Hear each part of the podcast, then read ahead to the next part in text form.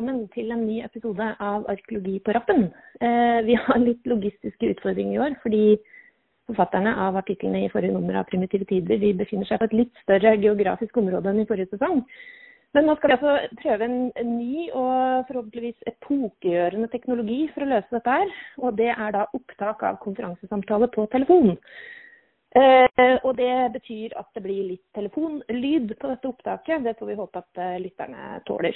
Eh, og det vil også si at jeg sitter da i Tromsø, og Kristoffer Dale eh, befinner seg i Molde. Hallo.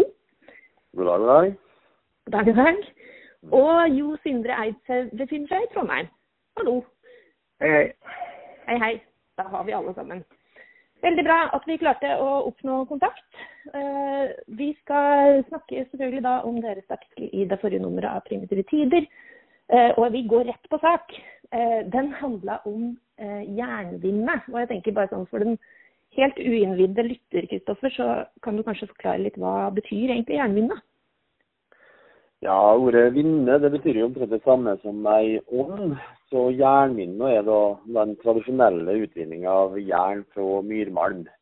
Dette her var jo en uh, kunnskap som spredte seg i begynnelsen av jernalderen, og varte da her fram til masovn og de mer moderne jernverka tok over produksjonen på 1600-1700-tallet. Ja, uh, og denne utvinningen som da foregikk av myrmalm hovedsakelig, den, der har man jo brukt litt ulike teknologier, har jeg skjønt? Ja. ja gjennom uh, arkeologiske utgravinger de siste 30-40 åra til å sette litt mønster i hvordan denne jernminnet har foregått til ulike tider. Og en har da sett for seg utvikling i, i tre faser. Der en har da i eldre jernalder, dvs. Si da fra 500 før Kristus til 500-600 etter Kristus, så var det gjerne store ovner. Eh, det vi kaller for gropsjaktovner. Der en hadde ei grop eh, under ovnen, der slagget og avfallsstoffer fra produksjonen samla seg nede i gropa og størkna til store slaggblokker. Eh, I denne fasen her, som vi da kaller for fase 1, så ser vi da ulike regionale tradisjoner. Vi har østlandsovn, trøndelagsovn, egtradisjon osv.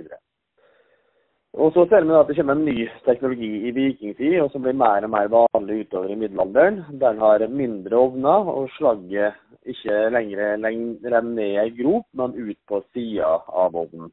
Og Dette her gir da slagget en litt annen karakter. Ja, for det, det, ser rett og slett litt annerledes ut.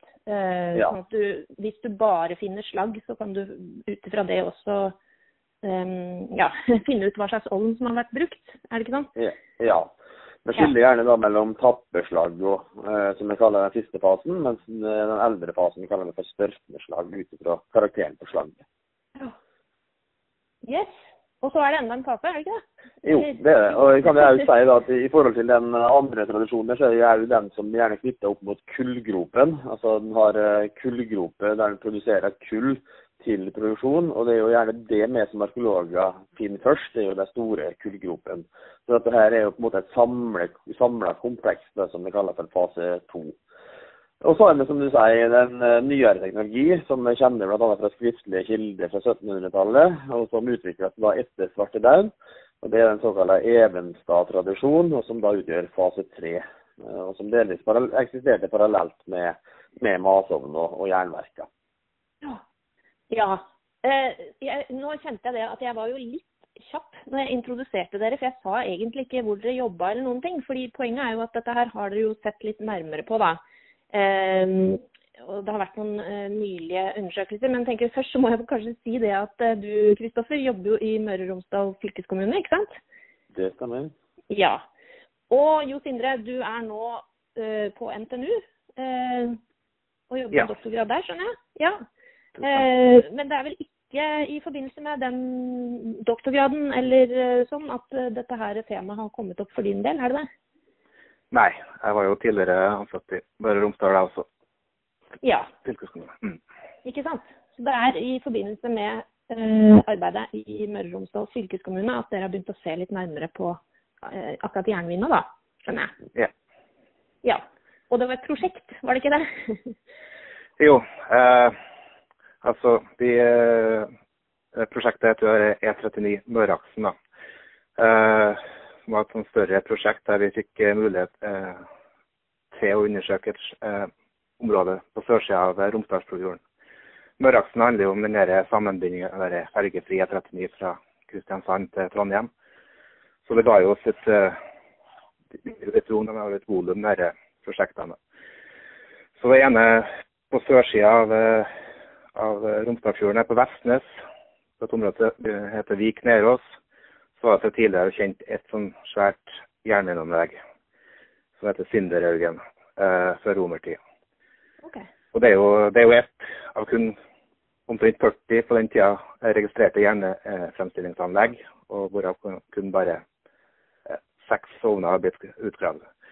Ja. Så vi hadde jo eh, eh, litt forhåpninger om området her, da, i og med at det, det utvist store potensialer eh, mm. før vi starta. Og, og Prosjektet utløste på, mye, eh, på, mange måter denne artikkelen. Også. Vi fikk jo, eh, det slo jo til, vi fikk jo registrert fire nye jernfremstillingsanlegg. Som eh, det er ganske sånn små, små anlegg, mye mindre enn det Sinderhaugen. Og det som kanskje også skiller seg ut ved prosjektet, her er jo at vi finner ganske mye spor etter kullfremstilling. Både i form av at du har kullagrene i nærheten av selve anleggene. Men også at du finner spor etter sånne eh, egne avskilte kullfremstillingsanlegg på flatmark som sammenfaller veldig godt kronologisk med disse eh, jernfremstillingsanleggene i området. Mm, ja.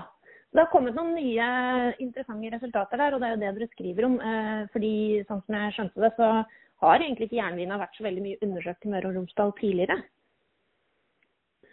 Nei, det, det stemmer godt. Stemmer det. Det er gjort eh, Tveiten har undersøkt litt, og Kristoffer her har jo også skrevet litt om det tidligere. Men det, jo, det mangler jo sånne større sammenstillinger, i hvert fall basert på litt av det nyere materialet som har kommet til etter 2005.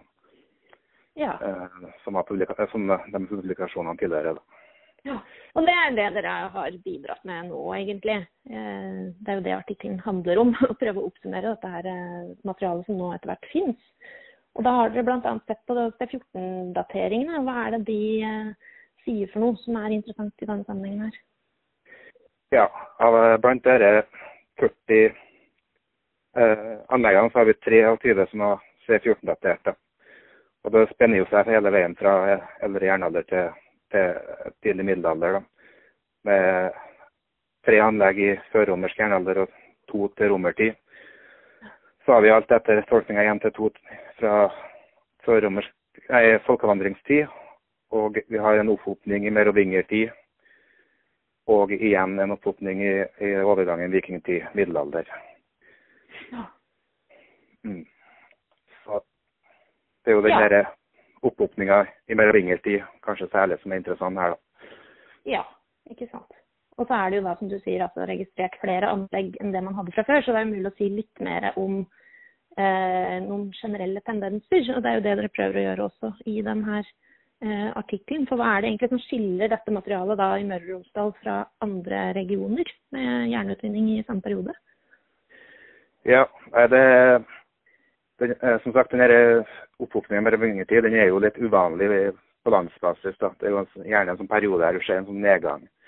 Men eh, i Møre og Romsdal så finner vi jo i den perioden eh, eh, eh noen type anlegg som skiller seg også litt ifra både det som er de klassiske fase 1 og fase 2-anleggene som Kristoffer snakka om. Ja. Og vi ser spor etter både kontinuitet og innovasjon. da. Så eh, vårt det som er spesielt med vårt materiale, som vi valgte å skille ut som en sånn mellomfase-EMD, det er at anleggene er vesentlig mindre i dimensjoner enn romertidsanleggene. F.eks. Sinderhaugen der, da, som har en sånn svær hesteskoforma slagvoll. Eh, og eh, vi ser også at slagklumpene blir mindre, selv om det fortsatt er den samme størkne slagtypen. Eh, men de svære blokkene forsvinner. Og det er jo mm. noe som liksom gir oss en grunnlag for å tro at, handler, at, det handler om at man har redusert dimensjonene på ovnene. da. Og Noe annet som støtter det også, er jo at dere at man har begynt å, man har begynt å bruke trekull, som, hvor kullet da blitt forkulla utenfor ovnen i en sånn separat prosess, som gjør at man kunne ha redusert dimensjonene på ovnene. Ja, Hva betyr det egentlig? Altså Du trenger en større ovn fordi hvis du fyrer med ved, så tar den så mye plass? Er det det du tenker? eller? Ja, ja. Det er i bunn og grunn, jeg tenker. Ja, Så når du reduserer veden til kull, så får du plutselig ikke behov for å bygge så enorme anlegg lenger. Nei, for da, har du, da får du ikke forkullinga liksom inni ovnen til selve pløstringa. Ikke sant? Ja. Så ja, det er en kontinuitet i ovnstripen, da, men, eh, men der er bruken av, av, eh, av trekull da, det liksom, ser ut som å være et sånn innovativt element. da. ja. Så En annen ting med som jeg si også ved det materialet i Møre og Romsdal, er jo at det er fase to-ovnene. De er veldig, sjaktovner med slangeavtapping. De introduseres veldig sent i, i Møre og Romsdal i forhold til eh, det vi kjenner f.eks. på Østlandet. Der, her kommer det jo liksom først i tidlig middelalder. Selv om vi også finner jo lokaliteter hvor vi har en sånn blanding med, med begge slagtyper. Eh, altså det er både litt sånn litt sånn vanskelig å si, og det er både litt tapperslag og litt størkneslag. Så du kan si at uh, de som holder på med jernproduksjon på, i Møre og Romsdal, de har eh, vært litt trege til å ta opp denne tradisjonen med at man kan lage ovner der du ikke der du kan få ut slagget. Det betyr Ja. også at man kan bruke ovnen om igjen, er det ikke noe med det? Jo da, det, det finnes jo også den der type enovnene som man på en måte men jeg har brukt igjen, blant annet Trøndelagsovnen, men den, den er jo ikke påvist eh, med sikkerhet i Møre og Romsdal. Ikke sant? Så på den ene siden ja. så er de ganske innovative en periode da folk slapper av med Mm. å utvikle jernmine andre steder. Og så er de litt trege til å ta opp eh, den her nye varianten Ja. med avtappa slag. Da. Mm. Ja, Ja. Nei, men det er spennende, for det er jo da en, en sånn regional eh, eh, variasjon. Eh, ja, og jeg har jo selvfølgelig et nytt spørsmål, men var det noe mer du ville si om det før jeg hopper videre? Ja, det siste jeg kan si er jo at det, det som jeg støtter litt det her, så er jo at det er endringene som skjer i hvert fall i merovingertid, de er jo ikke bare kronologisk og er jo ikke bare en kronologisk og teknologisk anomali, men de ser ut til sammenfall med endringer i lokalisering og organisering. Så det er jo på en måte en litt mer helhetlig pakke her. Ja, ikke sant. Det, er jo en grunn til at dette eh, endrer seg, som går litt utover at man har bare fått vi, nye ideer om teknologi og sånn. Eh, og jeg skjønner at det, det Kristoffer, eh, du er der ennå, Kristoffer? Ja, jeg er det. ja, ja, bra. Uh, ja, nei, men jeg skjønner det som at uh, det, det, det som også endrer seg, er hvor- hvordan de ulike typene anlegg ligger i landskapet, og hva slags type kontekster de ligger i. Ja, det stemmer det. Eh, Det er jo litt interessant. Tror Dette Møreaksen-prosjektet som Jo Sindre hadde ansvar for, det gjorde at vi fikk litt eh, øynene for jernminer og greide å se litt mer på det i, i sammenheng med andre, andre steder. Eh, Og vi ser jo mange av de samme tendensene der når vi ser på det med nye, nye øyne. Og det ser, Hvis vi ser på lokaliseringa, så sammenfaller denne endringa her da i slutten, overgangen mellom eldre og yngre jernalder, altså i starten på merovingertid, òg med ei endra lokalisering, som en var inne på her. At en flytta da lengre vekk fra tunet og, og innmarka og opp til seter og myrområdene lengre til fjells. Så dette sammenfallet her med, mellom endringer da i lokalisering og endringer i teknologi styrker jo på en måte oppfatninga av at det skjer noen sånne gjennomgripende endringer eh, i jernvinden og i denne fasen her, sjøl om vi på en måte eh, fremdeles bruker litt av den gamle teknologien. da, eh, som altså, den fremdeles har størknedslag eh, i yngre jernalder. Mm, mm. Ja, eh, det flyttes opp eh, til noen seteranlegg osv. Eh, og som du sier, altså det her sier jo ikke bare noe om teknologisk utvikling, men også om hvem som faktisk har utført denne eh, jernutvinningen, og, og også hvem som har kontrollert den. Ja, det her med hvordan denne produksjonen har vært foregått på og vært organisert, det er jo et av de store klassiske spørsmålene i, i utenriksarkeologien. Men eh, altså om det om jernminnet var på en måte en attåtnæring i jordbruket knytta til fjellgårder og setre, eller om det var mer spesialiserte smeder og håndverkere som, som sto for produksjon. da. Mm. Eh, Nå har ikke med så veldig stort materiale å gå ut fra. eh, men, men det med, vi ser jo at jernminnet konsentreres til enkelte områder. Da gjerne ut fra naturlige forutsetninger og sånn. Men vi har kanskje ikke grunnlag for å si at det har vært sånne spesialiserte håndverksbygder der den er drevet i stor, altså nærmest som en protoindustri, sånn som vi kanskje ser i, på Østlandet i middelalderen. Mm. Men det kunne ha vært eh, bygdesmeder eller en form for spesialister som har vært knytta til stormenn eller storhushold, og som kanskje både kan ha hatt faste eller sesongmessige tilhold i fjellet. Det, det ser jeg ikke vekk ifra. Det var jo merovingertid og folkevandringstid. Altså det var jo veldig urolige tider. Så behovet for jern hos uh, høvdingene og deres følge må jo ha vært uh, stort i denne fasen. Mm.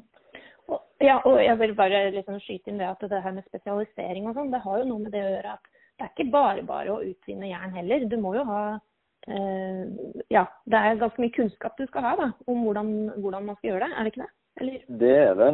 Det har jo vært spekulert i det om altså, Det er jo en del ritualer knyttet til det, og det er jo litt liksom, hemmelig kunnskap hvordan de skal uh, eh, produsere jernet, har jo vært eh, tema ofte. og det at man flytter litt lenger unna, kan jo ha litt med det å gjøre. Det blir på en måte litt mer skjult kunnskap. da. Mm, nemlig. Ja, det, det er jo det.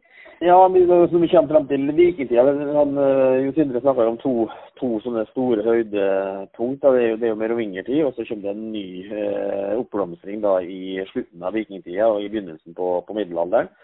Og da, det, det, er litt interessant da, at vi ser en eh, tendens til økt eh, produksjon rundt Romsdalsfjorden, der Veøya samtidig utvikler seg til en kjøpstad i, uh, midt ute i fjorden. Mm. Eh, nå vil jeg ikke påstå at dette her skyldes rene markedskrefter. Det kan hende det fremdeles er en form for styrt produksjon, men det, fall, det ser iallfall ut til å være en økt etterspørsel i denne her, eh, nye eh, perioden med uroligheter som vi har da. Mm. Mm. Ja, unnskyld, vil du si noe mer? Nei.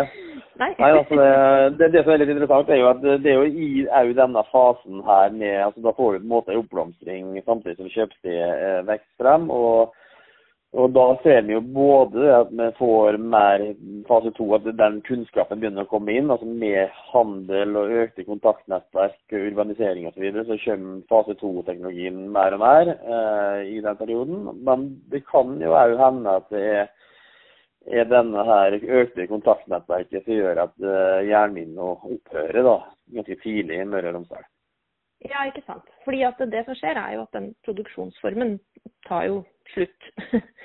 og ja, én ting er det at det, det kan være mer eh, import, kanskje? Er det det som er eh, spørsmålet her? Ja, det er jo det som er i motsetning til, eh, til som du ser på Østlandet, der det på en måte blomstrer opp noe veldig. Da på 1100- og 1200-tallet med jernproduksjon, så går eh, kurva nedover her. Og vi har nesten ikke noe jernvinanlegg fra 1200-tallet. Um, så Vår hypotese er jo at uh, det lokale jernet, da, med denne økende handelen og urbaniseringa osv., blir, blir utkonkurrert av jern fra de større jernfremstillingsbygdene på Østlandet. Mm, nemlig. Ja. Mm. Altså, det her er jo et, et veldig interessant tema, da, siden uh, jernproduksjonen da i Norge totalt sett har vært veldig stor i, i jernalder og til middelalder, men også da tydeligvis hatt noen regionale teknologiske variasjoner. Eh, dette her at eh, kunnskapen har eh, blitt spredt over store deler av landet, men det har vært noen tekniske detaljer som har vært ulike i de ulike regionene. Så hva er konklusjonen? Det er vel at det er behov for mer forskning på dette? ja, absolutt. Jernminna i Møre og Romsdal er på ingen måte ferdig utforska. Men vi håper nå det har gitt et viktig bidrag. Og Det er jo litt viktig her for oss, da, i og med at uh, registreringsrapportene i fylkeskommunene ofte blir et sluttprodukt. Uh, og det ikke går, videre utgravinger på dette her. og Da er det viktig at de resultatene og de mønstrene som vi ser, blir formidlet videre, sånn at det kan gjøres tilgjengelig for forskning. Og er jo et kunnskapsgrunnlag for framtidige utgravinger. Det er litt mer mulighet til å gå enda mer i detalj. da. Ikke sant. Og da ikke bare se på selvfølgelig hva som er uh, mønsteret i Møre og Romsdal når man kanskje får tilgang på enda mer materiale, men også se det i den her litt større sammenhengen med ja. kontroll over produksjonen og alle de her som du sier, klassiske spørsmålene som man har diskutert veldig mye når det gjelder utmarksbruken i Norge. da. Mm. Og det, Vi har jo òg et lite prosjekt nå. Vi holder jo på i angående det å se det i et større mønster. Så har vi et prosjekt nå på, på kjøpstedene våre i både Veøya og Borgund. Der vi bl.a. ser litt mer eh, på det slagget som er funnet der. og prøver da å, å For å teste en hypotese som vi har, så driver vi nå med, med proveniensanalyse på slagget som er funnet der for å se om vi kan få støtte i metallurgien for å se en endring, en vridning fra lokalt jern til mer importert jern senere utover i middelalderen. Det jo, eh, kan jo bli det er venta med på resultat nå, men eh, så det blir jo spennende som en oppfølging av, av denne artikkelen. Ja, Det er jo kjempespennende. Det er jo veldig konkret dette her å se det i en litt større sammenheng. Og hvorfor slutter man med jernproduksjon lokalt osv. Og, og da er det snakk om eh, handelsstedet på Veøya og også Eh, det handelsstedet som var i Borgund eh, ja, i middelalderen. Og, og en annen side er jo, er jo selvfølgelig en viktig side som jeg ønsker å få fokus på, er jo det mer forvaltningsmessige her. Eh, for gjennom Møreaksen-prosjektet som Jo Sindre hadde ansvar for, så hadde vi jo fant en metode for å lokalisere disse kulturminnene her. For det er jo i motsetning til mange andre plasser, så er disse kulturminnene, jernminneanleggene i Møre og Romsdal helt usynlige. Det er ikke mulig å se dem på overflaten, så må på en måte bruke spaden ganske aktivt. Um, og selv om dette her type anlegg, både kullfremstillingsanlegg og jernfremstillingsanlegg er nesten bare funnet i vårt eget fylke, så er det jo sannsynlig at det kanskje finnes i andre regioner òg, men at det kanskje kommer i skyggen av kullgropene og de mer synlige kulturminnene. Så, så, for oss så ble dette prosjektet litt sånn vendepunkt. og og vi har jo folk ute i år. Vi har jo funnet flere anlegg av samme type i år òg. Så, så, mm. så, vi ser jo på en måte resultatet av det. Ja. Ja. Og det er jo det som er spennende med arkeologi, at det er kunnskapsutvikling hele tiden. Og plutselig så har man oppdaget noe nytt som man må begynne å se etter, som man kanskje ikke var helt klar over tidligere. Så det er jo kjempespennende utvikling, altså. Eh, ja, noe mer du vil tilføye før vi avslutter dagens episode? Nei. Nei? Da fikk du sagt det meste. Jo Sindre, har du noe du hadde lyst til å si? Utover det Nei, det, det virker godt dekt for min del. Ja, det høres bra ut. Eh, vi kan jo bare konkludere med at eh, det her er et eh, tema som har kommet i fokus nå, og som man vil fokusere på framover. Og det er jo kjempespennende med de nye undersøkelsene av metallurgien osv. Så, videre. så kanskje det kommer en ny artikkel i PT etter hvert også. Eh, enn så lenge så kan man jo lese den dere har eh, skrevet. Eh, den kan lastes ned gratis fra Primitive Tiders nettside, som ligger under journals.uio.no. Og da sier jeg bare tusen takk for samtalen til både Kristoffer Dale og Jo Sindre Eidshaug. Og så er vi snart tilbake med en ny episode av Arkeologi på rappen. Takk for nå.